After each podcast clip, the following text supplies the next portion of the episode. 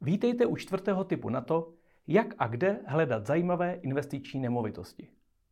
Dnešní typ je extrémně důležitý a užitečný, protože k němu nepotřebujete žádné složité znalosti, nástroje, data, zkušenosti. Zkrátka vůbec nic. A navíc je to postup, který již dnes běžně využíváte v mnoha jiných situacích. Tak proč jej nevyužít při hledání investičních příležitostí? Co je dnešní typ? Využívejte osobního kontaktu s lidmi. Každý z nás přichází denně do kontaktu s desítkami a možná stovkami lidí, a to ať vědomně či nevědomky.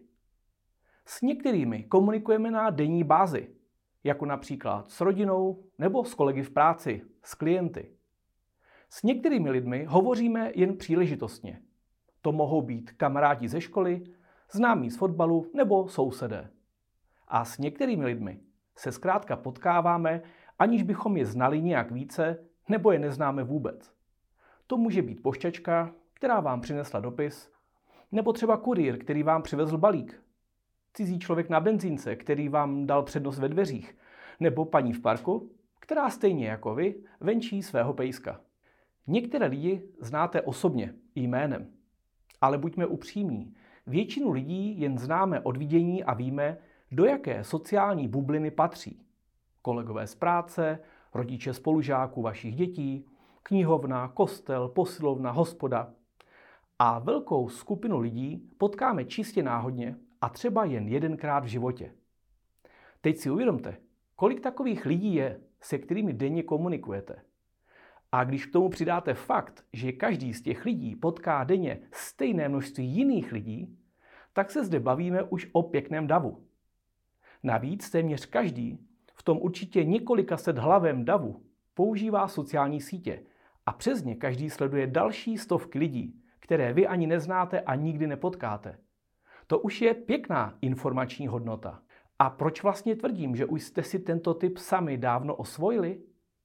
Kdo vám opravil naposledy auto? Jak jste sehnali kočárek z druhé ruky? Proč jste šli naposledy na večeři do té určité restaurace? Jak vás napadla ta úžasná akční dovolená, nebo od koho jste získali tu výbornou třešení na zahradu? No jasně, bylo to díky vaší osobní komunikaci. Protože jsme lidi a rádi se radíme. Získáváme informací ze svého okolí. Chceme určitá doporučení. A tyto vazby, tyto osobní vazby, mají mnohem silnější energii než nějaká reklama na Instagramu. Pojďme zpět k našemu typu ten nebude o tom, že máte každého ve svém okolí otravovat s tím, že jste se zrovna rozhodli stát investory a hledáte zajímavé nemovitosti. To by se vám brzy někteří začali vyhýbat.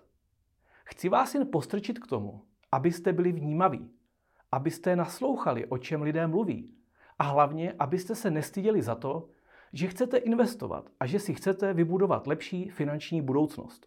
Pokud investování a nemovitostem již rozumíte, budou i ostatní někdy vděční za váš názor na určitý problém, který řeší. I když z toho nebude žádný kšeft, určitě si ale zapamatují, že problematice rozumíte. Nikdy nevíte, jestli vás osloví, až nastane ten správný čas, nebo budou řešit podobný problém v té své sociální bublině. Věřte mi nebo ne, ale při přípravě tohoto kurzu jsme s kolegou seděli v parku na sluníčku a dávali dohromady seznam našich 20 typů. V tom šla kolem úplně cizí paní se psem a oslovila nás, že prý slyšela, že se bavíme o matematice. Tak jsme jí vysvětlili, že to nebyla matematika.